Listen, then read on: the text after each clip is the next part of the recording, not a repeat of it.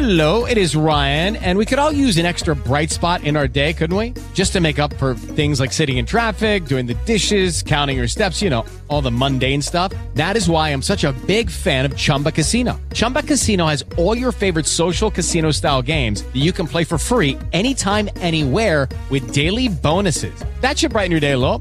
Actually, a lot. So sign up now at chumbacasino.com. That's chumbacasino.com. No purchase necessary. BGW. Group. Void were prohibited by law. See terms and conditions. 18 plus. 1 2 3 Şöyle recording başladı Yusuf davay.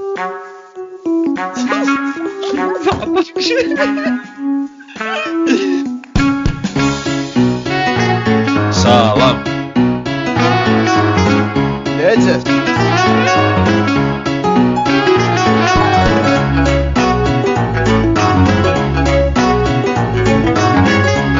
Utopia FM. This match will get red hot. Kaldı. Now go!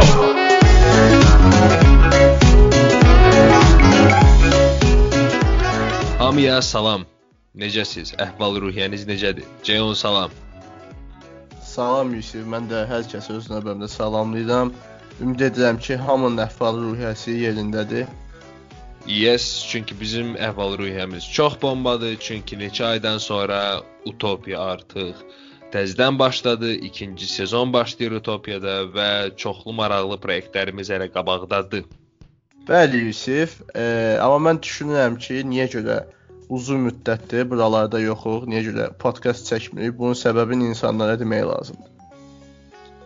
Əslində qalsa, əslində qalsa ümumiyyətlə Utopiya konsepti qutarandan sonra, beynimizdə birinci sezon qutarandan sonra biz fikirləşirdik ki, okey, çox da adamın belə də, yəni vecin olmaya bilər. Birdən birdən gördük ki, hamı başladı soruşmağa ki, Utopiya nə oldu? Utopiya necə oldu? Biz özümüz şokdaydıq ki, yəni, bu qədər adam qulaq asırmış bizə.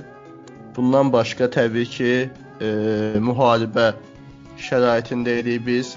Bəli. Lakin çox sevindirici haldır ki, bu müharibə qələbə ilə sonlandı, Azərbaycan qələbəsi ilə sonlandı və 30 ildən sonra biz Qarabağla aramızda olan həsrətə son qoyduq axır ki.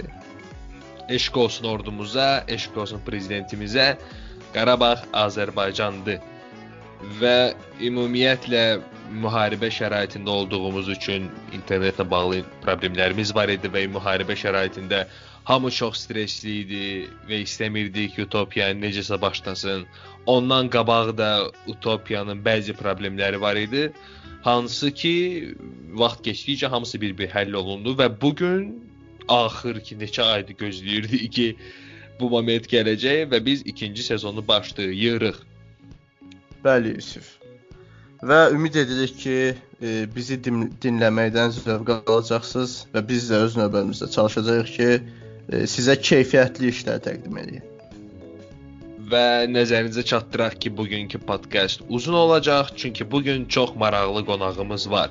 Amma qonağımıza keçməmişdən qabaq həmin qonağımızın An Edord'un 2 can mahnısını dinləyə bilərsiniz.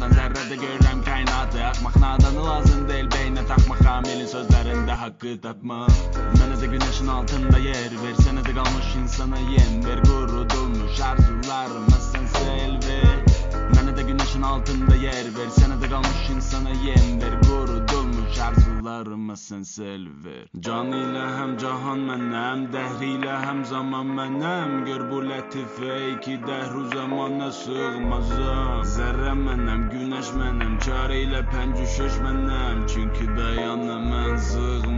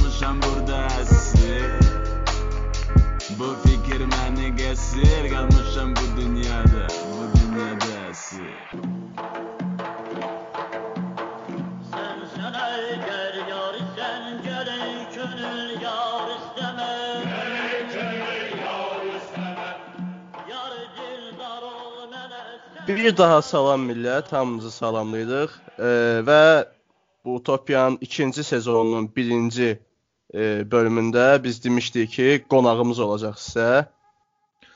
Və hər yerdə Instagramda da post elədiyimiz kimi bizim bu gün qonağımız var və bizim bugünkü qonağımız Erlan İsmailov aka An Edord. Erlan salam. herkese. Salam. Necəsiz? Yaxşı, yaxşı. Sən necəsən? Yaxşı. İndi daha da yaxşı. Düzdür, birinci podkastımdır. Yəni əvvəl heç olmamışam podkastda. Biraz ə, həyəcan var. O da məncə yavaş-yavaş yox İnan olacaq. mənə, inan mənə bizim birinci podkastımızda Ceyhunla dəhşət həyəcanımız var idi. Ö- Özü bir tərəfdən şey məsələsi də var da, yəni canlı izləyici yoxdur. Yes, Və, yes. ə, hardasa bilirsən ki, heç kim izləmir indi. Yəni canlı izləyici olmayaraq yenə də biraz həyəcan olması məncə normaldır. Yes, polностью normaldır, narahat olma barədə. Erlan böyük bir ehtimal bizə qulaq asanlar bəziləri tanıya bilər, bəziləri səni tanımaya bilər. Əla olardı ki, özünü təqdim eləyəsən, balaca bir intro verəsən. Hmm, okey. Erlan İsmailov. Mən ə, mən Gürcüstanlıyam. Yəni Gürcüstan Azərbaycanlısıyam. Burada doğuldum və böyüdüm. Ə, və Azərbaycanla məni ə, hardasa 5 il Azərbaycanda Bakıda yaşadım universitetə görə. Ə, və universitet bitdikdən sonra artıq Gürcüstana qayıtdım və burada yaşayıram. Yəni Azərbaycanı burada Gürcüstanda təmsil edirəm. Bura Azərbaycanlısı olaraq. Y- yaş 24 yaşım var. Hmm, və başqa başqa nə artıra bilərəm? Hmm, hələlik elə budur. Məncə sual olsa yenə artıraram. Aha, e, deməli Erlan, mənim sənin sualım belədir ki, sən indi repersən və replə məşğul olursan. E, Bizə maraqlıdır, repə necə başladın? Yəni öz istedadın, repə olan həvəsini necə kəşf elədin? Ha, okey. Hmm, Deməli, e, repdən əvvəl elə musiqiyə qarşı, yəni uşaq vaxtından belə musiqiyə qulaq asırdım. Hələ o vaxtlar headphones-lar, qulaqlıqlar yeni çıxmışdı. Evdəkilərə yalvarırdım, mənə də alın, mənə də alın. Çünki ə, məndə şey var idi, hədiyyə vermişdilər. O vaxt bilmirəm, ə, yadınızdadır yoxsa disk taxırdın, player. Ancaq disk Walkman, taxılırdı. player. Walkman fason bir şeydi. Yo, Walkman-dan da da, yəni böyük disklər yoxdur. Bax onu okey, okey, player okey. kimi. O, onu cebin cebində gəzdirib elə qulaq asırdın. Yəni böyük bir belə tarelka formasında bir player idi. O vaxtdan bəri elə musiqiyə qulaq asırdım və indi o keçənləri fikir şeyə girmişdim kontaktda. Ə, orada baxıram hardasa 5000 musiqim var. Yəni oradan yığılma və o 5000 musiqiyə hardasa bir hərəsinə bir 100 dəfə qulaq asmışam. Yəni musiqiyə qarşı sevgim olub, repə qarşı deyil. Çünki e, rapin özünü e, o o janrda xoşuma gəlir, ancaq ondan da çox başqa janrlar xoşuma gəlir. Başlayanda da ancaq rapdən başladım. Çünki e, düzün deyim, yəni mus- e, m- məktəb bitirməmişəm musiqi barəsində və ən yaxın olan və ən belə şey olan yolu seçdim. Və onunla davam etdim. Yəni Ee, oradan gəlmə, keçmişdən gəlməsi sevgidir. Sən, sən indi qeyd elədin ki, mahnıya, musiqiyə çoxdan da həvəsin var və mən səhv eləmirəmsə sən rəqslə də məşğul olmusan. Rapdən, breakdance-la. Mhm. Nə, breakdan hip-hopla, bəli, bəli. Breakdance, Azərbaycanda oxuyan Mhm. Azərbaycanda oxuyan vaxtı orada elə yenə ha, ha- hamısı elə musiqiyə gəlir də. Musiqi o qədər sevirdim. Bir də ki hip-hopda və ya deyək breakdance-da orada fərqli ə, səslər var idi və ə, ümumiyyətlə belə baxanda musiqiyə qulaq asan rə- rəqsi də sevməlidir. Çünki təsəvvür et, musiqiyə qulaq asan çox enerjili musiqidir. Sən yerində dura bilmərsən də. Hardasa Düzdür, düzdür, ə, düzdür. 100% bilirəm ki metroda gözəl bir beat qurulanda ayağını oynadısan da, yəni gedir bu. yəni musiqi sənə musiqi səni oynadır və elə musiqi də məni rəqsə gətirdi.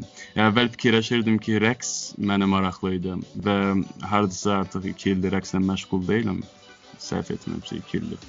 Və indi başa düşürəm ki, mən rəqs deyil də tam tərsi musiqi məni maraqlandırırdı və rəqs ona gedən bir yol idi. Və elə də rəqslə məşğul oldum. Sonra Sonra da həyat başladı. Artıq universitet tələbə həyatı deyil tam böyük həyat və rəqs, yox nə danışırsan? Rəqs, nə rəqsi?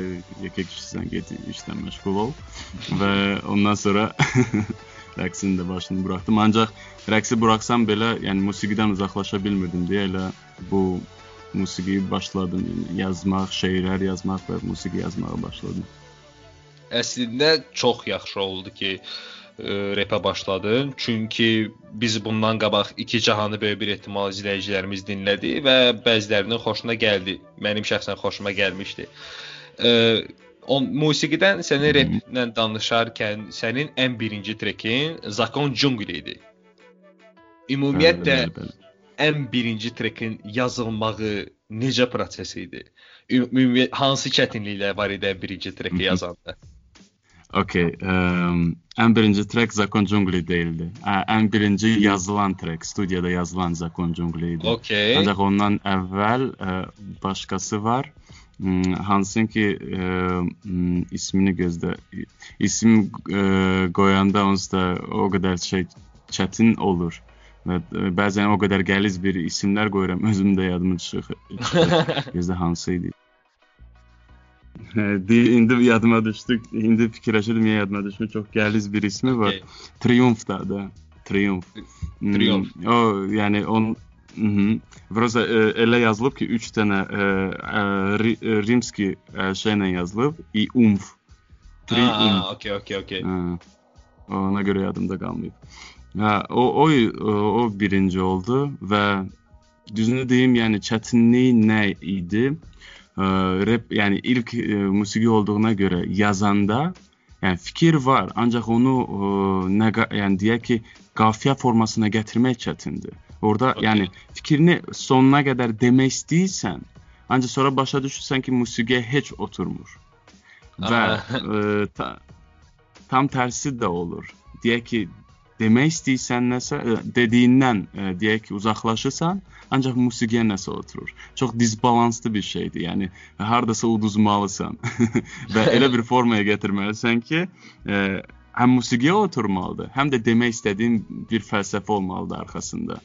Və bəzən məsəl üçün demək istəyirəmsə, ə, ə, belə bir cümlə demək istəyirəmsə, çox gözəlsən, düzdür? Ancaq görürəm ki, forma oturmur. Nə yəni ə, ritm itir birincisi, deyiliş tərzində flow itir. E, plus üstünə gələndə ə, o məsələ ki, ə, qafiyə də itir. Ə, onda dəyişəsi olursan və sənin gözəlliyin de, deməyək də sən- tam fərqli bir şey o formada. Sənin cazibən deyək və başqa forması. Və onu sən ə, söz bazanı artıq artıq artırdıqdan sonra sən başlayırsan ki, ə, arsenalın artdıqdan sonra artıq sən demək istədiyini daha da rahat formalaşdırırsan. Və ilk ən birinci problemim o və bəzən elə olurdu ki, axşam məsəl üçün ə, məndə belə bir ə, ə, xüsusiyyət var. Deyək ki, axşam bir işi bitirməliyəm və bitirməsəm deyək ki, özümü narahat hiss edirəm və yuxuya getmək biraz çətin olur. Deyək ki, musiqi olsun. O məndə esselər, Onu məndə bitir- hə, onda başa düşürsə məni 100%. Yəni bitirmək istəyirəm ki, yatım və bilirəm ki, yuxum gəlir, ancaq yatmağa gedə bilmirəm çünki yata bilməyəcəm onu bitirməmiş. Və burada uduzurdum. Birinci musiqidə doğrudan da uz- uduzurdum çünki gedirdim və ə, görürdüm ki, getmir, alınmır. Yəni nəqarət gel gəlmir ya da flow itir ya da bir şey itir. Və gedib yatırdım, ancaq səhər oyananda birdən bir kəlmə gəlirdi ağlıma. Aha, budur. Və onda başa düşürdüm ki, yuxuda da belə beynim mənə görə işləyir mən yatdığım anda. Və köməklik edir. Birdən olurdu səhər qalxırdım, "A, tapdım cavabını." Yəni tam düzünü deyim, yəni bu puzzle kimidir. Yəni puzzle ə, və puzzle deməyə, yəni burada çox ə, as, asılacaq olan bir şeydir musiqi yazmaq. Yəni deyək ki, şey formasında yazmaq istəyirsənsə, fəlsəfə formasında və ya ki demək istədiyin əgər e, sənin e, bir ideolojin, bir e, fikrin varsa, bir m, demək istə, çatdırmaq istədiyin bir mesaj varsa, onda musiqi daha da gəlizləşir. Çünki sən artıq musiqi açıb ağzına gələni deyə bilərsən və sonuçta bir şey alınacaq. Ancaq sənin əvvəldən demək istədiyin bir şey varsa və onu o, musiqiyə otuzdurmaq istəyirsənsə, o tam çətindir. Və onun da öz ə, zövqü var. Çünki m, bilirsən ki, sonuna çatmalısan. Deyək ki, Bakıdan Gəncəyə çatmalısan, a- ancaq üstündə heç bir şey yoxdur, maşının yoxdur və yavaş-yavaş puzzle tapırsan. Ya deyək ki, dostun zəng edir, deyir ki, bax Kürdəmirə kimi gedirəm. A, okey, səninlə gedirəm. Oradan nə edəcəm? Buradan nə deyəcəm? Buradan nə artıracam? Aha, aha. Və sonuçta Gəncəyə çatırsan və geriyə baxırsan deyirsən ki, ayda bu qədər yolu gəldim. yəni çox e, yəni əvvəldə heç bir şey yox idi əlində, heç bir ə, ə, necə deyək, toolsun yox idi əlində və sonuçta bir şeyə çatdın. Bir şeyə çatdın deyəndə ə, A nöqtəsindən B nöqtəsinə çatdın və artıq ona qulaq asırsan və içində artıq demək istədiyin hər şey var, fikirlərin var, flow var, qafiyə var, hər şey var Yes. və sonuçta bir produkt alınır. Ümumiyyətlə həyəcan var idi. Deyəsən sualdan çox qaçdım. Yo yo yo çox sualdan Ümumiyyətlə Ya, ya, birinci həyəcan. treki birinci treki buraxanda həyəcan var idi ki, çox adam məni qul- i- i- ümumiyyətlə insanlar məni dinləməyə başlayacaq. Ü- İçində belə bir kompleks var idi, yoxsa prosta Birinci musiqini e, mənim bəxtim elə oradan gətirdi. O rəqs məsələsini yaxşı yada saldım.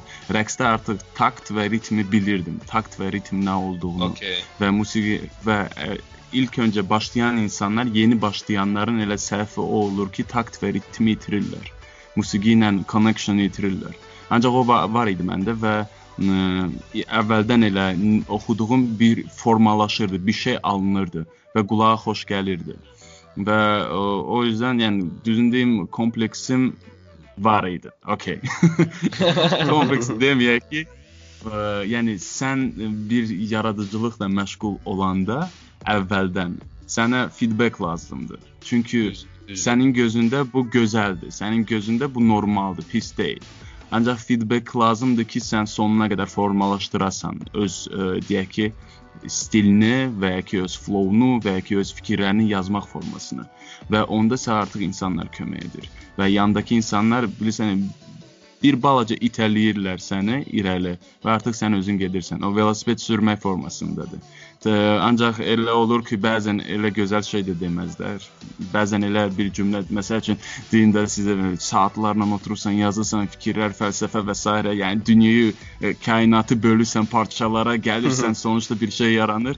Gəlirsən deyirsən, hə, deyək ki, dostuna qurursan deyirsən necədir? Heç nə başa düşmədim. Deyir sənə, sən qalırsan. Okay, deməli hardasa alınmadı deyə bilmədim. Hmm, olurdu yaxınlarım belə. Yəni bu, bu əvvəldən o həyəcanı e, şeylə öldürürsən. Yəni suala qaydan qayıt, qayıtsaq onun cavabı odur ki, o həyəcanı feedbacklərlə öldürürsən e, və əvvəldən biraz e, şey olursan. Hmm, biri qulaq asır, nəsə deyir, inanmırsan. Deyir ki, "A, gözəldir." Deyirsən, "Yox, ya, yalan deyirsən." Ya, yox, gözəl deyil. İyi, başlayırsan 1 2 3 4 Beşinci də deyəndə deyirsən, yox, deməli bir şey var da burada. Nəsə alınıb ki, bunlar deyir. Ha, hamısı bir yerə yığılıb deyə deməyiblər. Yəni fikir yox idi ki, deyə qeyirlanı deyək ki, şeydir, gö gözəl yaranıb. Başqa-başqa insanların feedbackini alanda başqa-başqa insanlar, yəni bir-birindən asılı olmayan insanlar və başqa-başqa e, deyək ki, rəqqasdan alanda və ya ki, musiqiçidən alanda və ya ki, fəlsəfə və heç musiqiyə qulaq asmayan insandan alanda belə hamısı heç olmasa pozitiv bir şey deyəndə o həyəcan yavaş-yavaş itir və artıq formalaşır bir stildə, bir şeydə ə, bir necə deyək onu yəni sonuca gətirir səni və sonuçda bir şey alınır. Düz Hmm. deyirsən. Düzdür, düzdür. Bəs Ərlan şey məsələsinə toxunmaq istəyirəm, dil məsələsinə. Sənin treklərin çoxsu rus dilindədir, amma e, birdən-birə Azərbaycan dilində trek yazmağa başladın. Niyə görə belə bir seçim Hı -hı. elədin və çətinliyi nə oldu? Yəni Azərbaycan dili dəyişməyin çətinliyi nə oldu? Aa, okey. Yaxşı sualdır. Doğrudan gözəl sualdır. Hmm, demə, ə, rusca yazmağımın səbəbi ə, mən ə, kitab sevən insanam və ə, kitab hər dəfə kitab oxuyanda rusca oxuyuram, sözün düzü. Və rusca oxuyanda ə, fikirlər də oradan gəlir və oradan ilham aldığında ə, artıq istəyirsən onu tərcümə edəndə onsuz da hər şey itir. Yəni mən də professional tərcüməçi də deyiləm ki, onu Azərbaycancasına çevirim. Məsəl üçün iki cahanda və ya ki bugünkü ə, ə, sonuçda ə, paylaşacağımız trekdə, yeni trekimdə onu rusca tərcümə etsən məna itir. Yəni doğrudan da o gözəlliyi itir. Və o yüzden Rusça yazdım, yazdım, yazdım. Sonra dedim ki ə, Azərbaycanca yazım. Doğrudan da mənim üçün challenge-dir. Mən e, e, yəni çox sevirəm çətinlik qabağında, qabağıma çətinliyi özüm qoyuram və o onu keçdikdən sonra hardasa özümü yaxşı hiss edirəm. Məndən ə, hardasa bir e, bir 3 3 treki buraxandan sonra kimsə desə Azərbaycanca yazasan, Düzünü deyim deyərdim ki, yox. Çünki ə, bazam yoxdur, söz bazası ola bilsin o qədər yoxdur və ə, çətin olar mənim üçün onu yazmaq. E, plus ə, bilmirəm bilirsiniz yoxsa Gürcüstanlıların danışığı tam fərqlidir. Bizdə gələcəm, gedəcəm, ə, onu edəcəm. O, o çətin olduğundan ə, onu artıq Azərbaycanca oxuyanda ə, o Gürcüstan Azərbaycan Azərbaycancası kimi qulağa gələcək deyə deyirdim ki, yox. Bir söz ə, bazası yox idi. İkinci dia yəni dialektə görə biraz özümə limit qoyurdum. Ancaq sonuçda fikirləşdim, dedim, ə, bir də ki şey məsələsi var idi. Ə, mənim ə, atam uşaq vaxtından bəri bizə şey oxuyurdu. Məndə sığar iki cahan, mən bu cahana sığmazam, Sığmazam. və buna qulaq buna qulaq asırdıq, qulaq asırdıq və Ə, sonuçta elə alındı ki, hardasa rast gəldim o ə, filmlə. Və dedim, gəl buna baxım və sonra başlayım bu ə, şairi, bu yazarı daha da yaxından öyrənim və baxaq bəlkə bir şey alınır. Və sonuçta iki cahan treki çıxdı. Hansı ki, heç özüm də gözləmirdim ki, ə, nəsə bir feedback alım oradan. Ya Çünki açığı, ilk dəfə Azərbaycanca. Açığı iki cahan treki, yəni mən sənin o birisi treklərinə də qulaq asdım. İki cahan trekində yəni heç Hı. bir Azərbaycan dilində, söz bazasında heç bir problem yox idi. Elə mən sualımı Hı -hı. ona gətirirdim ki, sən e, danışırdın ki, bəs atan iki cahan şeirini oxuyurdu və ümumiyyətlə Hı -hı. sən Nəsimi filminə baxandan sonra ilhamlanmağa başladın. İki cahanın ümumiyyətlə yazılış prosesində e, nələrə diqqət yetirirdin və nələrdən spesifik ilhamlanırdın?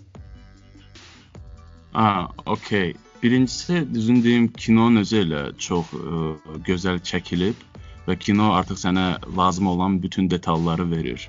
Detallar demək istədiyim, yəni o insanın, Nəsiminin və Nəiminin ə, obrazları o qədər gözəl göstərilib ki, orada detallı olaraq.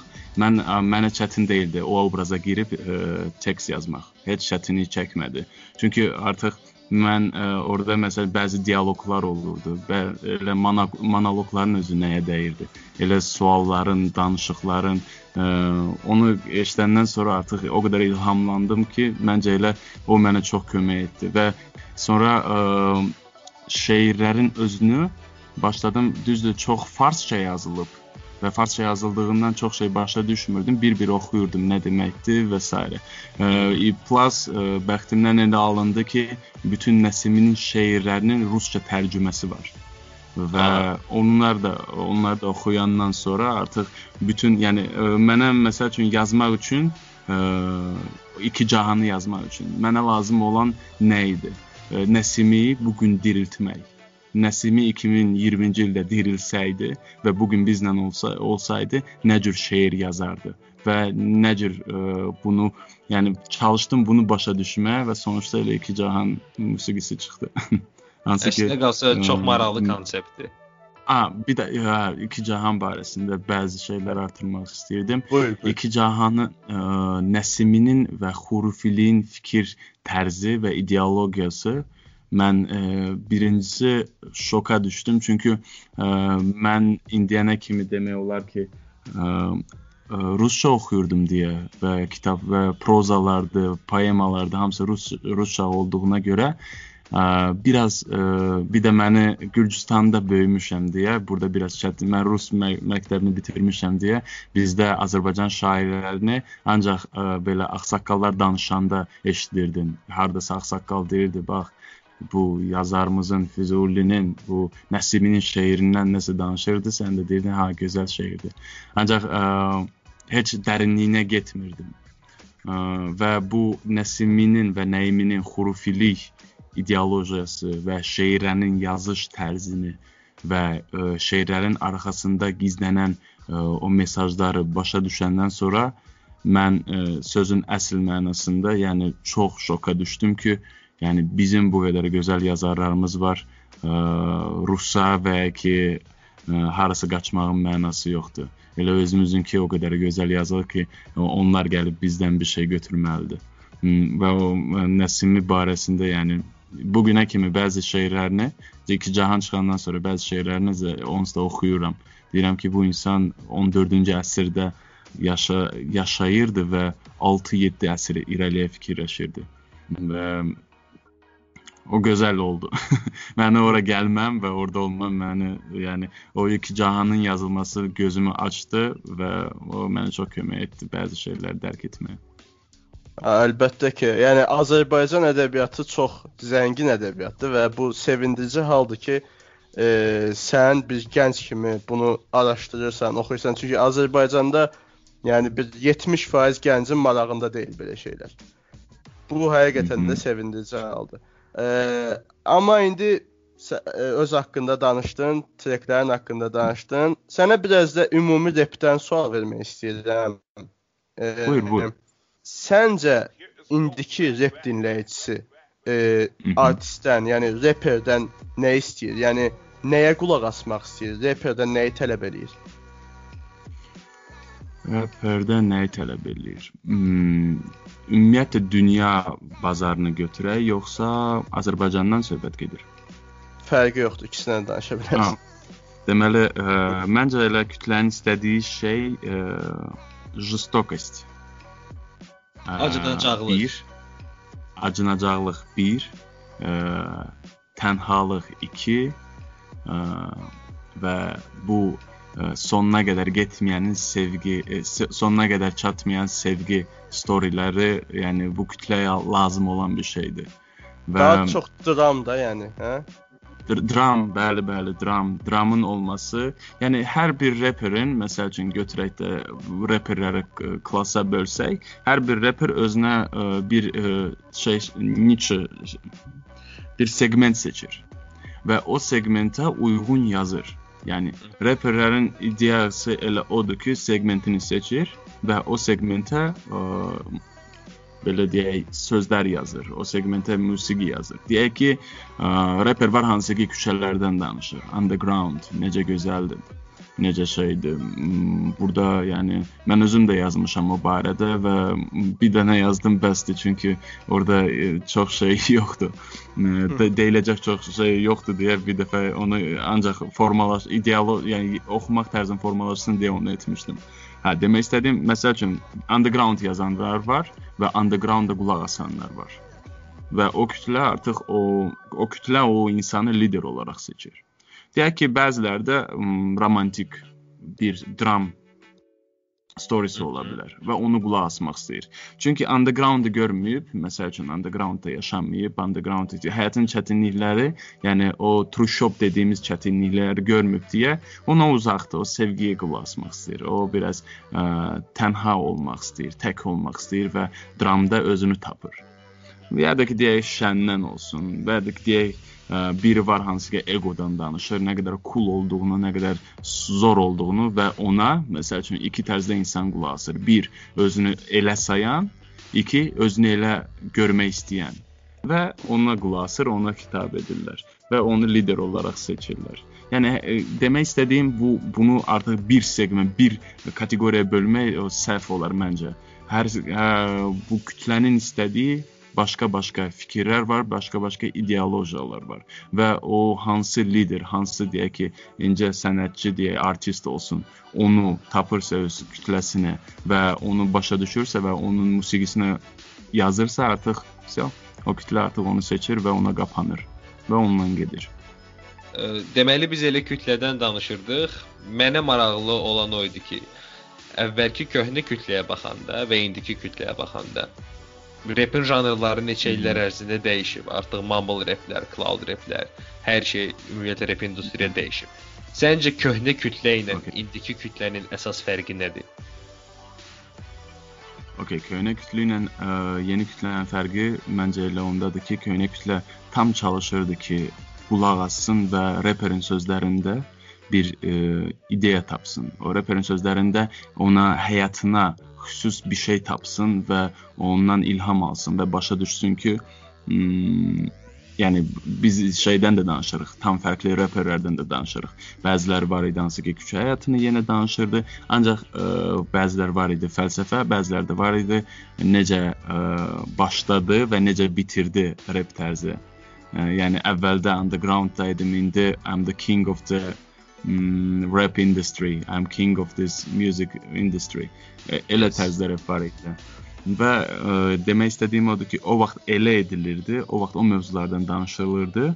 Ancaq bugünkü repi götürsək, bugünkü nə formada r- olduğu repi hmm, daha da çox ə, tez gəlsin, tez desin, nə demək istəyirsə, ə, metafor işlətməsin, təmiz desin. Yəni fikirləşməyə vaxt yoxdur. Fikirləşməyə ə, halım yoxdur. Nə demək istəyirsə onu desin. Hə, sevirsə sevsin, hə, nə nə qədər sevir onu desin və da ki, nə qədər cool olduğunu tez desin və o e, daha da çox ə, bu ə, kütlənin artıq daha da çox tez qəbul etməli. Yəni istəyi odur ki, tez ə, hər şeyə əli çatsın. Və kütlənin fərqi məncə elə ondadır ki, o vaxtki repdə ə, keyfiyyət var idisə, yəni keyfiyyətli olması ə, ideologiyası var idisə, yəni bu keyfiyyətli yaranmalıdır, gözəl olmalıdır. İndiki tez olsun, kütlə acıdır, kütləyə tez çatdıraq formasına gəlib.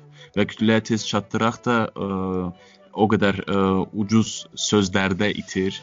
O, o qədər uz, o, ucuz qafiyələrdə itir. Yəni qafiyəni o qədər ucuzlaşdırırlar ki, sən ə, məsəl üçün yeni başlayan bir şairi götür, hansı ki birinci şeiri artıq o neçə ildir musiqi industriyasında olan ə, musiqiçidən daha gözəl yazır. Şeirləri və qafiyələr daha da gözəldir.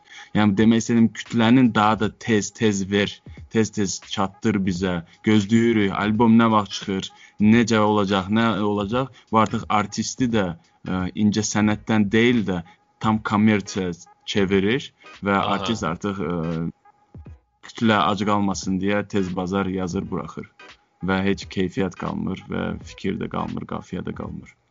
Mən fərqi o ona in, ona inanıram ki, odur fərqi.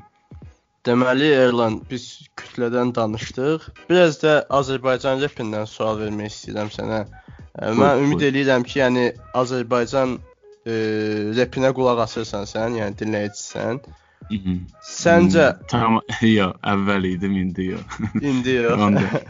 yəni, Səncə ümumiyyətcə Azərbaycanda rep inkişafdadır? Əgər deyilsə, repin inkişafı üçün nələr etmək lazımdır? Azərbaycan repin, ə, okey, bir-iki mövzu var, onları silək. Mən onu ə, indi sizə şey danışım. Azərbaycan repini necə inkişafa doğru yönəldə bilərik? Yes. Aha. Yazıram. Resept 1. Mən kulam, mən hamıdan zoram, o mövzunu silirik. Onu yazan, o barədə yazanı srazu atırıq. O artıq o insan, o insan artıq bezdirdi. O insan və o obraz bezdirdi artıq nə qədər cool olduğunu. Yəni alter egosu, egosu deyir ki, sən o qədər cool deyilsən, ancaq yəni tam tərsi. Alter egosu deyir ki, sən cool deyilsən və egosu ona qahmar çıxır deyir ki, denən ki, sən necə də coolsan. O repi çıxardaq. O artıq ə, mövzu yeyilib, çeynənib artıq. Sonra keçirik ikinci mövzuya. Hmm, ə, birinci rec- ə, birinci resept buydu. İkinci ə, resept o oxuyanlara, elə tərzdə oxuyanlara bir iki kitab verirsən və onu bir otağa salırsan, deyirsən kitabı oxunmamış burdan çıxan deyilsən. Ə, o kitabı oxub bitirir, sənə ə, o kitabın ə, fikirlərini deyir, nə barədə yazılıb, nə deyilib və s. deyirsən, hə, yaxşı, başa düşdüm, indi çıx.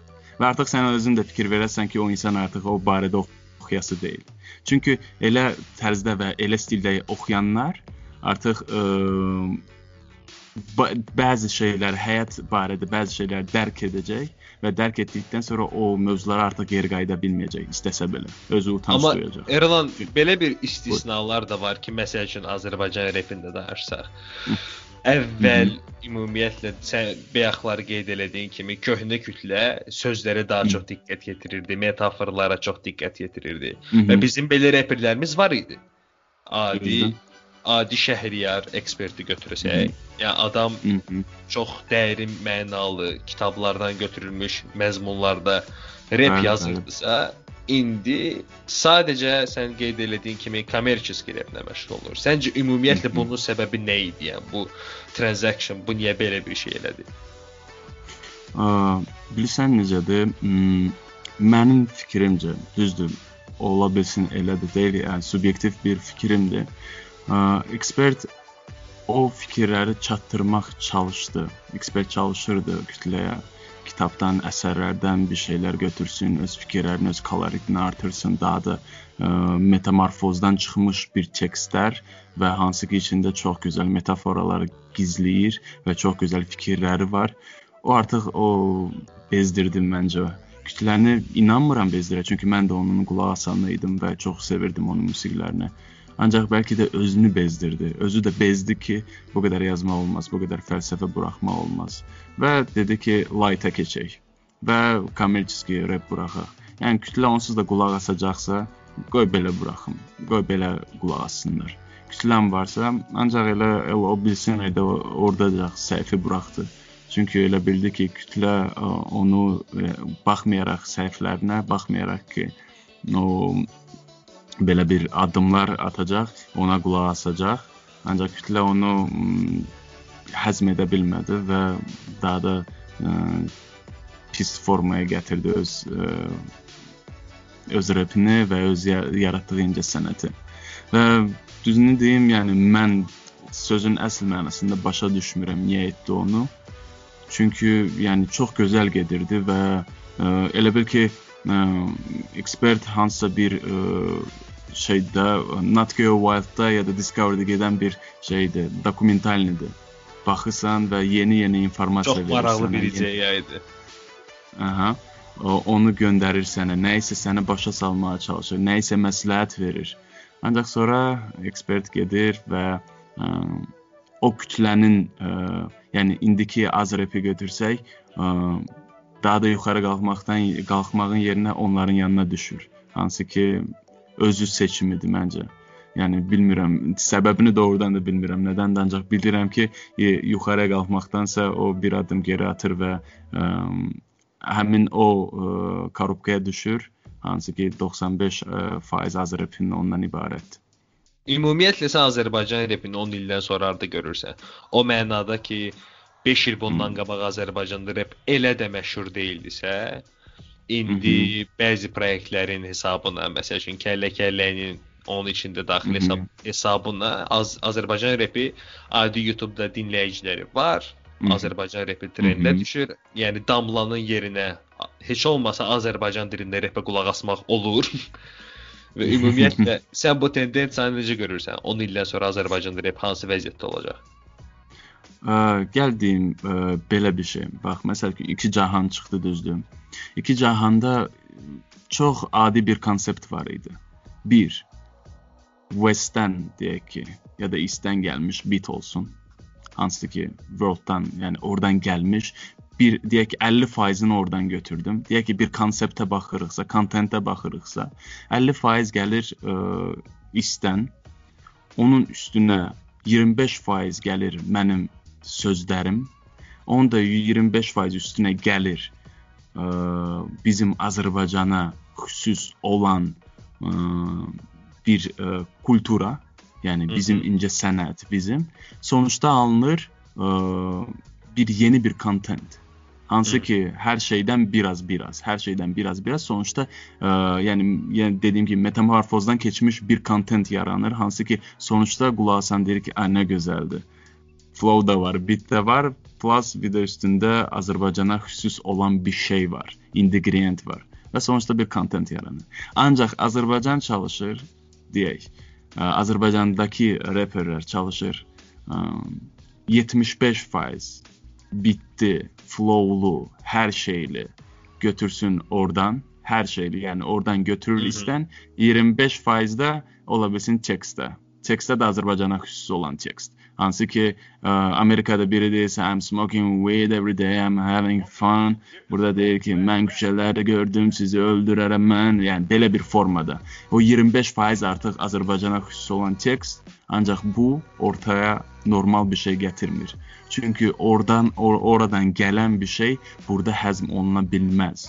Necə ki Çində süd həzm olunmur, elə də Azərbaycanda ə, o həzm ola bilməz. Çünki o bizə girə, yəni gələsi deyil. Çünki Amerikada yaşayan Amerikanlı hansı ki ortalama deyək ki, tələbə ola ola ortalama cib xərcliyi hardasa 800-900 dollardır. Mən misal üçün deyirəm. Aha. Hansı ki yazır ki mən beləyəm, həyatı belə keçirəm, qızlarımız da hə, belə həyatını yazır. O tam orqanik olaraq yazır. Çünki onu yaşayır.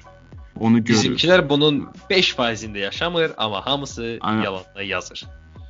Hamısı rent olunmuş karlarda klip çəkdirir. Nəyinə lazım? Ay insan, bu sən deyilsən axı. Sən niyə sən özün ona inanmırsansa, sən o deyilsənsə, o obraza nə qədər millətə inandırmağa çalışsan belə o yeyilən deyil. Onu heç kim qəbul edən deyil. Çünki o sən deyilsən. Bir tərəfdən budur belə çətin. bir bir tərəfdən belə bir dilemma yaranırdı ki, insanlarda, adi dinləyicilərdə. Mhm. Hamı bütün intervyularda hamı deyinir ki, Azərbaycanda repdə pul yoxdur. Azərbaycanda repdə dəyər verən yoxdur. İndi var. Axı. Amma buna qədər deyəndə həmin o reperlər kliplərində qızlar, qızıllar, maşınlar. Mhm. Amma intervyularda deyirlər ki, bunların heç biri yoxdur. Yo, bilirsən necədir? Ekspert hansı ki, ə, ə, tekstlərdə şeydən yazırdı ki, sənin bacındır və s. Yəni bu ə, tam ə, tabu olan mövzuları toxunurdu və çox ə, yuvilircəsinə toxunurdu və onu çox gözəl metamorf həmin o qızla oturur ə, şeydə klip çəkir. O biraz ə, orqanik deyil mənim üçün. Yəni mən orada ə, n- normativ görmürəm çünki mən ekspertə inanırdım ki, ekspert mənə ə, hardasa mentordur. O Amerikada necə deyilir? Mentordur, mənə hardasa köməklik edir, fikrini bildirir ə, və bəzi tabu olan mövzuları mənə açır, mənə başa salmağa çalışır. Həmin o ekspert ə, dreadləri düzəldib, saçını rəngləndirib ə, divanda qızla oturur deyək ki. O mənə biraz şeydir də, yəni inanmaq gəlmir. E, yəni deyirsən ki, yox, e, bu elə olmaz. Yəni Mənə elə gəlir onun dinləyicilər də heç ona inanmır bu saniyə. Bir də şey, ə, sualın sonuna çatdırsaq, ə, yəni demək istədiyim 10 ildən sonra əgər bu tendensiya ilə davam etsə Azrep, 10 ildən sonra m, yəni o ekonomikada olmur, recession, sonra decline gedir, sonra sonuna Yes. qədər düşür. İnflyasiya. O o elə formaya gələcək ki, yəni ə, bilirs, o qədər xarab olacaq ki, onu artıq kimsə qaldırmaq istəyən deyil. Yəni o qədər pis formaya düşəcək. O ə, bax məsəl üçün o misal dediyim, o dediyim 50%, 25, 25 Hmm, mən məsəl üçün bu günə kimi Okabe Okaberin tabu musiqisi. Tabu. Bu əsl demək istədiyim elə mövzudur. Yəni başa salmaq istədiyim. Tabuda hər şey danışılır. Çox metamorfo, yəni hər oradakı olan fikirlər, oradakı olan ə, analoqlar, oradakı olan beat hansı ki bizə xüsusdur. Oradakı olan de, flow, hər şey bizə xüsus olur və o qədər gözəl alınır ki, bilmirəm neçə milyondur baxışı. Yəni çox ə, irəlidədir. Azər 11 milyon, 12 milyon indi bilmirəm necədir. Və edirəm, ümumiyyətlə Türkiyədə belə qulaq asırdılar. Türkiyədə hamı buna qulaq asırdı, gör nə gözəl musiqi yazılıb. Çünki o insan orqanikdir. O insan ə, məsəl üçün Okaberin pantürkizmə və türkçülüyü o qədər sevdiyinə görə belə gözəl bir şedevr yaratdı, hansı ki, hər insanın qəlbinə toxundu. O ona uyğundur, o odur və o musiqidə özünü tapır və o musiqidə özünü o ne- %100 tapdı ki, o qədər gözəl alındı. Yəni e, məsəl üçün Okaber e, sabah e, deyək ki, mənə şey e, avtotune'lu e, maşınların arasında bir musiqi qursa, yəni maşınların arasında qızlarla və s. o artıq mənim ona qarşı, yəni inancım da itəcək. Bir də ikinci dəfə qulaq asmağa artıq ə, istəyim olandır. Çünki o identity hansı ki o məndə yaratdı, ona inanc hansı ki yaratdı məndə, o artıq itir. O da qayıtmır. Və inanmıram ki qayıdam. Və dediyim kimi, o yəni gələcəyi, Azrapin gələcəyi deyək ki, bu ə, istən ümumiyyətlə interneti söndürmək lazımdır ki, istən heç nə gəlməsin Azərbaycanda. Yəni YouTube-da ə, o oradan gələn replər, orada oxuyan replərin hamısını sil. Qoy qalsın öz insanın burada və öz insanın burada öz özü yazsın o bitləri, özü gözəlləşdirsin. Ya da götürdün prosta biti götür. Amma artıq qalanını özün et. Qalanını özün et və çalış özün də bir rəng qat. Artıq ə, o şey kimi olur, e, ə, o uşaqlara raskraska verirlər. Rəngli və s. Yəni, yəni hər onun elə bil ki, Azrep bu gün necə edir bilirsən? Bütün hər şey hazırdır. Deyək ki, fil çəkiriksə də, filin hər şeyi hazırdır. Artıq dırnaqlarını rəngləndirmək lazımdır. Yəni Düzdür, düzdür, istən düzdür. gələn hər şey, bütün rənglər hazırdır. Hər şey rənglənib. Bir dənə dırnaq o da ki, onun deyək ki, oxumağı, yazdığı tekst. Çünki onun da orası da o bizim deyil, oranın olur.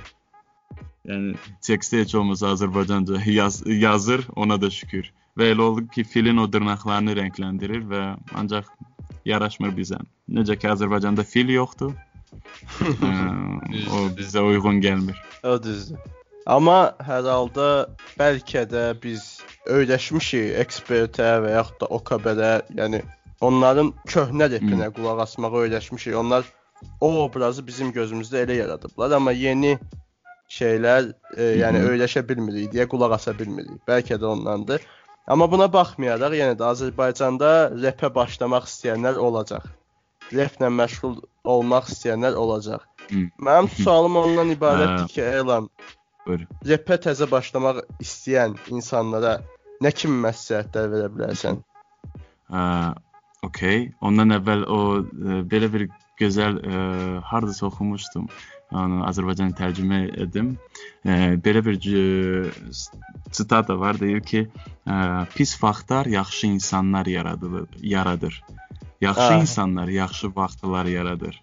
Yaxşı vaxtlar pis inna- insanlar yaradır və elə davam eləyir. Yəni Azrep deyək ki, indiki bu forması ə, pis de deyiriksə, o yaxşılar da gələcək, üzə çıxacaq. Çünki buna dözə bilməyən insan artıq özü deyəcək, gedim studiyada 100 manata özüm yazacağam, özüm bir şey edəcəm və ortaya çıxacaq və ortaya bir şey çıxaracağam. O problem deyil. Yəni yetər ki, bu ə, indiki olan pis vaxtlar gözəlləşsin. Yəni o bir incə sənətin elə oradan gəlməsidir. Məsəl üçün tekstlərdə deyək ki, hardasa görəcəksiniz gələcəkdə, hardasa bu dislər gəlir. Dis deyil də tam tərsi bu dis olan deyil. Ümumiyyətlə Azərbaycanın indiki olan az rapin ə, situasiyasına qarşı cümlələr yazılacaq gözəl. Yəni deyək ki, elə mən dediyim biri olsun, nə maşının, nə pulun yoxdursa, klipdə nəyə görə sən onları çalışırsan artırmağa, yəni səbəbin nədir? Və o formada belə gözəl metaforalar çıxacaq, inanıram. Yəni o bu indiki pis vaxtlar gözəl bir sənətçilər yaradacaq. Və ə, sənətçilərə, yəni başlamaq istəyən insanlara məsləhətim nə olar? Hmm, birincisi ə, ən böyük problemlərdən biri olan bugünkü dünyada məncə ə, fikirləşən çoxdur, amma etmək istəyən çox azdır. Yəni tam incə sənət də olmasın, başqa şeylərdə də olsun. Yəni biz ə, beynimizdə o qədər özümüzü limitləyirik ki, yəni deyək ki, bax ə, giririk supermarketə, deyirik ki, bax deyək ki, mayonez almaq istəyirəm. Düzdür? Girirsən və 10 dənə başqa-başqa mayonez firması görürsən və fikirləşənə kimi ki, hansını seçim deyirsən ki, lazım deyil mayonez. Çıxıb ə, marketdən almısan. Yəni ə, onun analoqu nəyə gətirirəm? Çox fikirləşən insanın hərəkət etməyə həvəsi qalmır və yeni başlamaq istəyən və addım atmaq istəyən istəyən insanlara məsləhətim olar ki, ə, fikirləşmə. Yəni onu istəyirsən, bilirsən ki, dəqiq istəyirsən bunu. Artıq vso, seçim etdinsə, başla etməyə, başla hərəkət etməyə. Studiya tap. Studiya tapanmadın, ə, hansısa mikrofona, telefondakı mikrofona yaz. Problem deyil. Bitin yoxdur. Okay, internetdə o qədər free bitlər var, hansı ki pulsuzdur. Heç kim səndən pul istəmir. Get onları axtar. Okay, tekst yaza bilmirsən, şairləri oxu, başqa-başqa şairləri oxu hansı ki yazırlar və onların qafiyə deyiş tərzini çalış başa düşməyə, onların ə, onlara qarşı çalış ə, o formada bir şey yazmağa. Çünki sən özünü incəsənətlə məşğul olmaq istəyirsənsə, sən bir şey başa düşməlisən. Birinci, əvvəl bir neçə addım ağır olacaq. Ancaq ondan sonra hər şey gözəlləşir. Yəni burada biznes məsələsi deyil. Yəni biznes bata bilər sözsüz. Yəni biznes açdın, ha, getmir, getmir, forecast etdin ki, gözəl olacaq, getmədi, batdı. Ancaq incə sənətdə elə deyil. Çünki incə sənətin elə yaradılışı belə risksizdir. Çünki sən sənəsə yaradırsan və o yaratdığın şey heç nəyə oxşamalı deyil. Çünki sənin yaratdığın unikal bir şeydir. Və sən onunla qorxmalı deyilsən. Və başla yazmağa. Get studiyada bir şey yaz, bir demo yaz, qulaq asdır. Sonra özün prosesdə onsa çox şey başa düşəsən. Özün başa düşəsən ki, ə, məsəl üçün mən bu gün ə, birinci musiqimə qulaq asıram. Düzdür, o qədər musiqi yazılmayıb, ancaq birinci musiqimə qulaq asıb deyirəm ki, ayda bunu necə silə bilərəm YouTube-dan? Onu fikirləşirəm ki, heç kim başa düşməsin. ə, Necə siləcəm? Yəni o prosesdə onsuz da o qədər şey öyrənirsən ki, o qədər şey başa düşürsən ki, əsas da o prosesi hiss eləməlisən. Ona görə hərəkət etməyi e, tövsiyə edərəm. Hərəkət etsinlər, yəni çalışsınlar, yazsınlar, çalışsınlar. Bir də ki, başqa məsləhətlərimdən biri olar ki, yanında çox insanlar olacaq, hansı ki, səninlə məzələnəcək. Hansı ki, sənin deyəcək, "Ə, o qədər rep var, sən bir dənə sən çatmırdın. O qədər insan gəlib deyəcək, rep nədir, get işlə məşğul ol. O qədər insan deyəcək, nə demək istəyirsən, yalandan alınan deyil, sonuna çatan deyilsən. Yəni bu insanlar çox olacaq və onlara onların səsini eşidəndə artıq ə, nauşniklərini tax, yoluna davam elə. Çünki çox olacaq. Yəni bu normal bir şeydir. Və Azərbaycanda, yəni bizim kütlənin və bizim gənclərin onsuz da ə, hər kəs deyəsən yaxşı başa düşür. Ə, Bir-birini qırmağa hər kəs hazırdır. Yəni qanat qırmağa hə, bizdə hamı hazırdır. Bir sözlə səni elə bastıra bilərlər ki, sən deyərsən ki, yəni doğrudan da arzuladığın şeydən uzaqlaşa bilərsən. Və o qanat qırmaq artıq ə, o insanlara küsmək lazım deyil. O insanlar o elə bir ə, şəraitdə böyüyüb böyüyüblər və elə bir fikirlə, elə bir ə, evdəkilərin bu Abala get dərs oxu, nədir məzələnirsən, nə ilə məşğulsan, abala get onu et, qonşunun uşağını gör bu sonanın oğlu nə edir və s. o qədər eşidib ki, Tarix boyu var. artıq o, o hı -hı, artıq o cavan da kiminsə hərəkət etdiyini görəndə onun qanadını qırmağa çalışır. Çünki ata-anadan elə görüb. Və o Paxıllıq insanlar bizim kütlə pax, hə, uşaq uşaqlıq paxıllığı. Çünki inan mənə bu Azərbaycanda deyək ki, ə, bizim cavanları götürsək, rəqs etmək istəyən o qədər insan var. Hə, bəli, bəli. Ümumiyyətlə skripkada çalmaq istəyən, ancaq çalmaq sözünə görə artıq istəməyən o qədər insan var.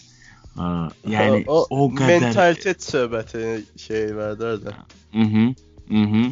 Yəni o qədər insan var ki, inan mənə, balet kursu açılsa Azərbaycanda, o qədər insan istəyər, ancaq hamısı qapısının qabağından keçəcək, amma ürəkdə istəyi olacaq. Çünki bu bizdə var, bu insanın ə, genində var. Bəzən ya oxumaq istəyir, ya rəqs etmək istəyir, ya bir şey etmək istəyir.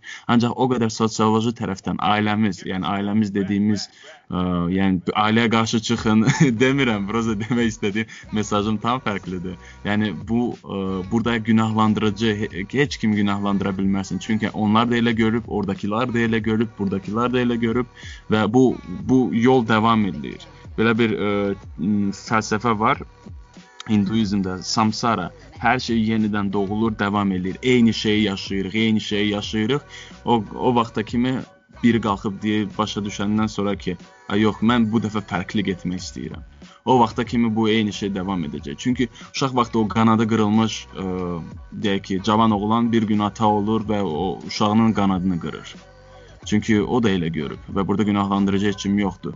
Və onu demək istəyirəm ki, o insan indi qulaq asır və başlamaq istəyir, ancaq qorxur. Qorxma və bil ki, o insanlar hansı ki sənə dəstək verəcək çox azdır və qanadını qıran insanlar çox olacaq bu yolda.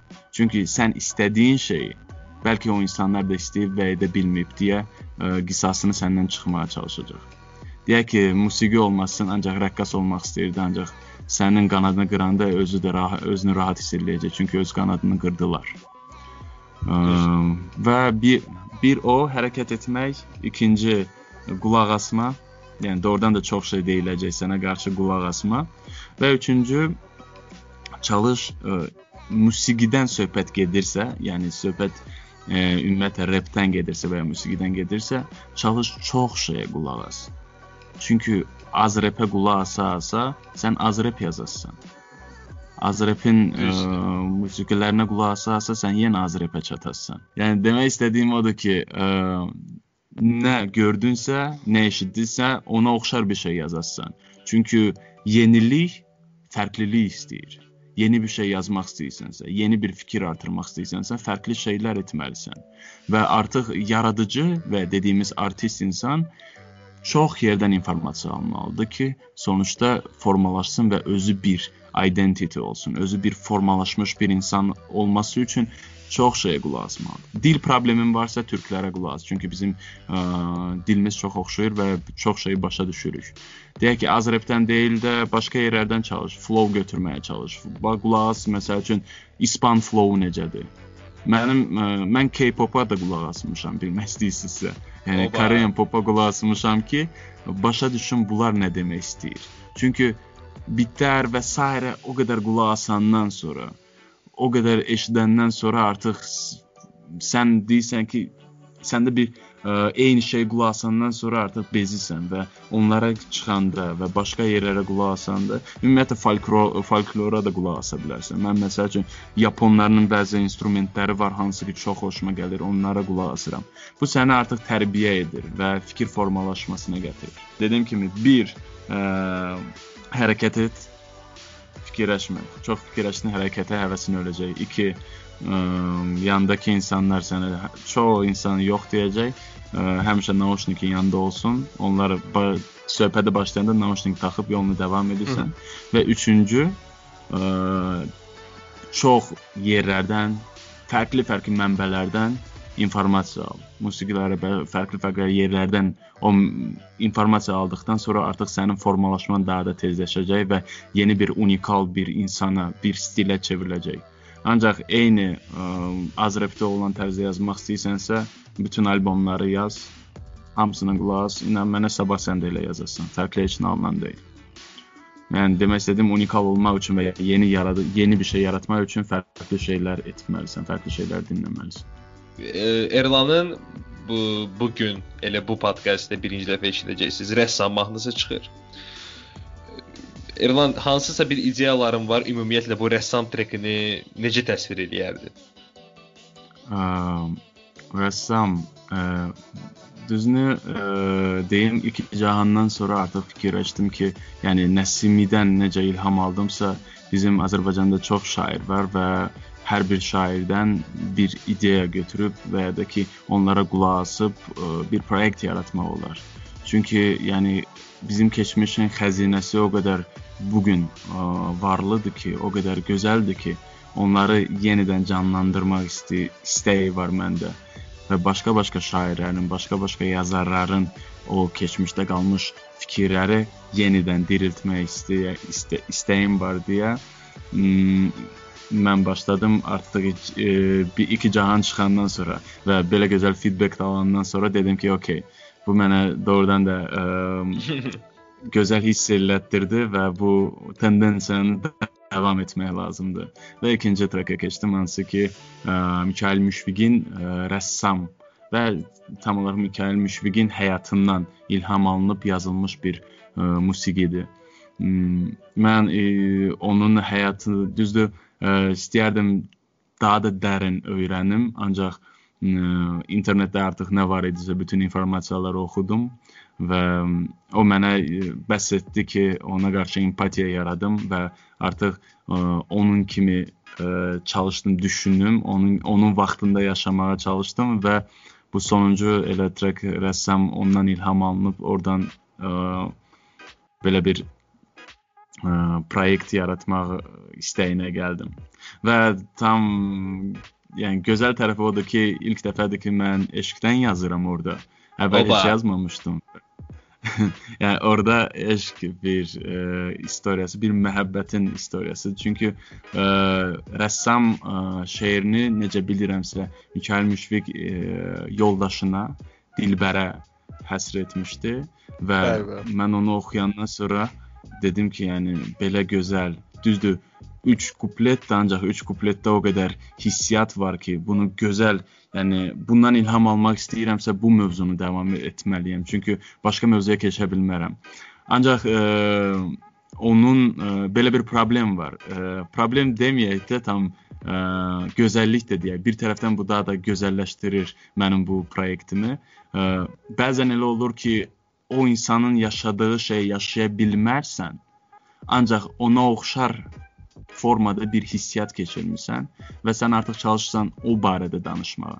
Deyək ki, ə, Müşfiqin Dilbəri sevdiyi qədər və ona qarşı hiss etdiyi o məhəbbət məndə olmasa belə ona oxşar bir məhəbbət keçirmişəm. Və mən də artıq öz ə, deyək ki, şair olaraq mən də artıq istəyirdim ki, sənətçi olaraq öz fikrimi də oraya bildirim və özüm də o deyək ki, o, o hekayəni davam etdirmək istəyirəm. Hmm, və elə alındı ki, bu proyekt ə, ümid edirəm xoşunuza gələcək. Çünki ə, mən onu yazanda artıq ə, elə bir eyfariya keçirdim. Çünki orada ə, çox gözəl metaforalar yazdım. Yəni ə, əvvəldə ə, mənim üçün çətin idi ə, öz yazdıqlarımı özüm üçün, yəni özüm tam olaraq m, kritika verə bilmirdim və çalışırdım başqasının kritikasından özümkünə çıxam, öz istədiyim kritikaya çıxam. Ancaq bu sonuncu m, tracklardan sonra artıq ə, yazdığım şeirləri ə, elə elə fikirləşirəm ki, bunu başqa bir Erlan yazıb, onu içində yaşayan bir sənətçi yazıb, o şair yazıb və bu yazdığım şeirləri artıq deyirəm ki, gözəl yazıb. Yəni özümü tam olaraq özümü ora deyə bilmirəm ki, mən yazmışam. Elə bil ki, içimdə kimsə yazıb və başqa bir sənətçi yazıb bunu. Hansı ki, eyni bədən bölüşür mənlə və deyirəm ki, gözəl yazılıb. Gözəl e, gözəl metaforalar var.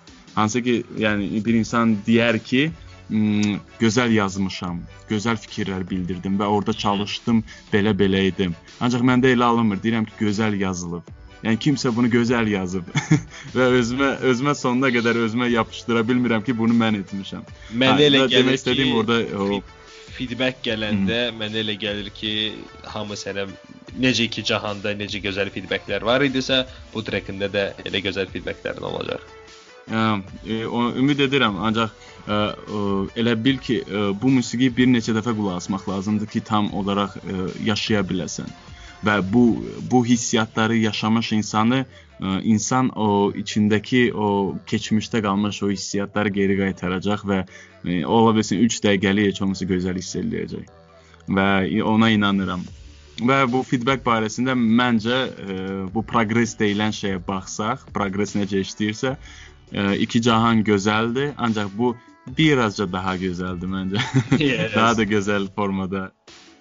E, düzdür, başqa-başqa tərzdərdədir, ancaq burada daha da ə, ruhdan və ə, yəni hissiyatdan gəlmiş ə, sözlərdir deyə daha da bundan daha çox sevinc alıram nəinki iki cahandan. Okay. Mhm. Ə, Erlan, bəs Buyur, sonda ə, gələcək planların haqqında öyrənmək istəyərdik. Yəni təzə layihələr olacaqmı yoxsa? Azrep mənim də demək istəyərdim ancaq elə bir istəyim yoxdur. Azrepin şeyi mən olacağam. Yeni ə, star mən ol. Yox, elə şey yoxdur. mənim bir dənə proyektim nə varsa, m, 10 dənə musiqi çıxarmaq istəyirəm. 10 dənə başqa-başqa ə, şairlərin və şairlərdən ilham al aldıqdan sonra o, o barədə musiqilər yazmaq istəyirəm. Ə, bu ikinci olacaq. Mikail Mishugin rəssam ə, musiqisi. Ə, Bir də 8 dənə və indidən bir neçə şairi artıq seçmişəm və onların ə, şeirlərini axtarıram. Bu yazmaq ə, o qədər asan iş deyil, çünki ə, o şair sənə nəsə deməyə çalışıb ə, və sən o indi bu gün onu sözlərindən, onun qafiyələrindən sən o şairi başa düşməyə çalışmalısan və o qədər empatiya yaratmalısan. Deyək ki, %80 empatiya yaratmalısan. Deyək ki, şair o, o vaxt həmin an deyək ki, yoldaşını itirdisə, sən çalışırsan ona empatiya yaradıb və onun hissiyatı deyək ki, tənhalıq, təhlik hissiyatını sən özündə qurmalısan. Və onu qurmaq üçün o şairləri daha da çox şey m, yaşamalısan, o şairlərin həyatını yaşamalısan. Və indi o bir neçə şair seçmişəm, artıq çalışıram onları tam olaraq, bütün detal olaraq necə həyat yaşayıblar, nədən keçiblər, harda oxuyublar, hansı şeirləri ilk olub, hansılar gözəl olub, hansılarda tam dərin fikirlər çalışıb bildirməyə.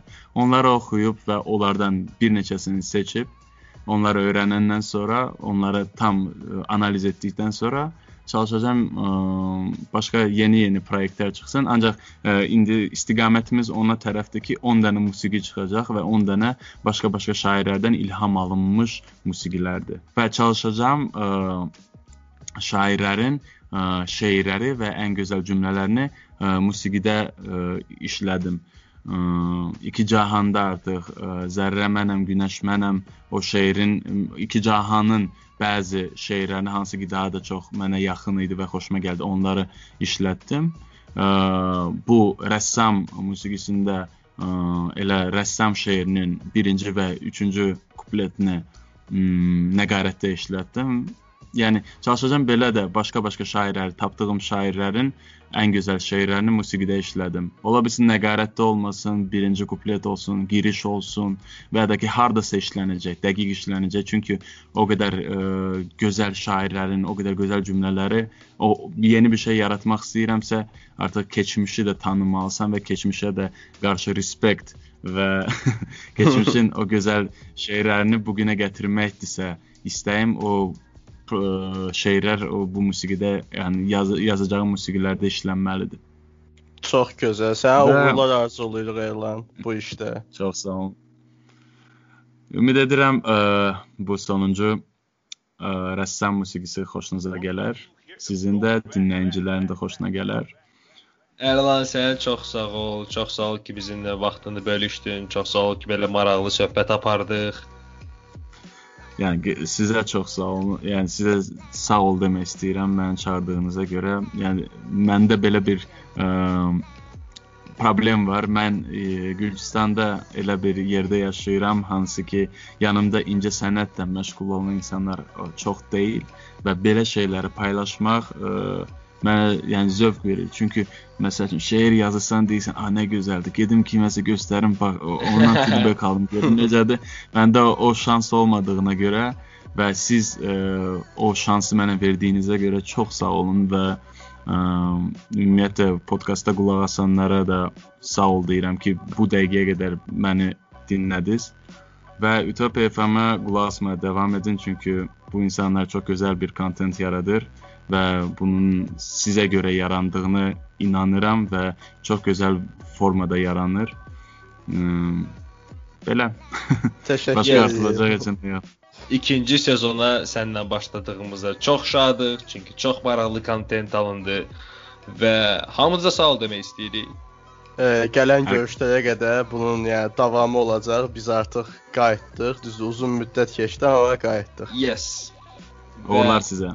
Çox sağ ol və Çox axırıncı olaraq rəssam trekini dinləyə bilərsiniz. Sağ olun. Sağ olun.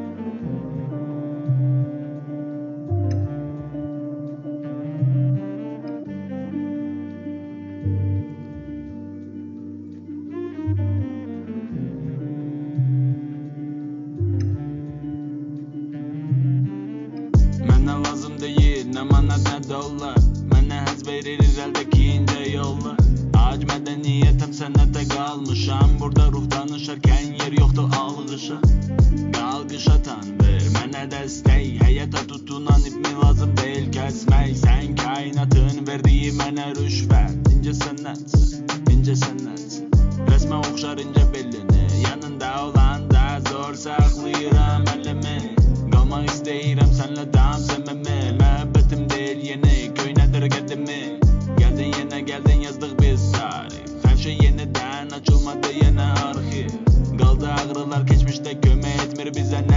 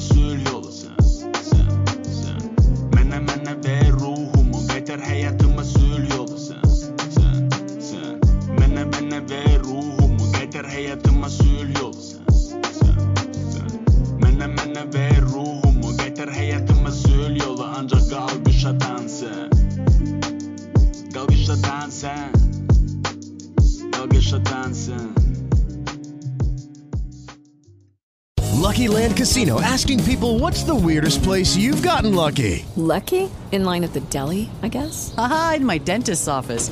More than once, actually. Do I have to say? Yes, you do. In the car before my kids' PTA meeting. Really? Yes. Excuse me, what's the weirdest place you've gotten lucky? I never win and tell. Well, there you have it. You can get lucky anywhere playing at LuckyLandSlots.com. Play for free right now. Are you feeling lucky? No purchase necessary. Void where prohibited by law. 18 plus. Terms and conditions apply. See website for details.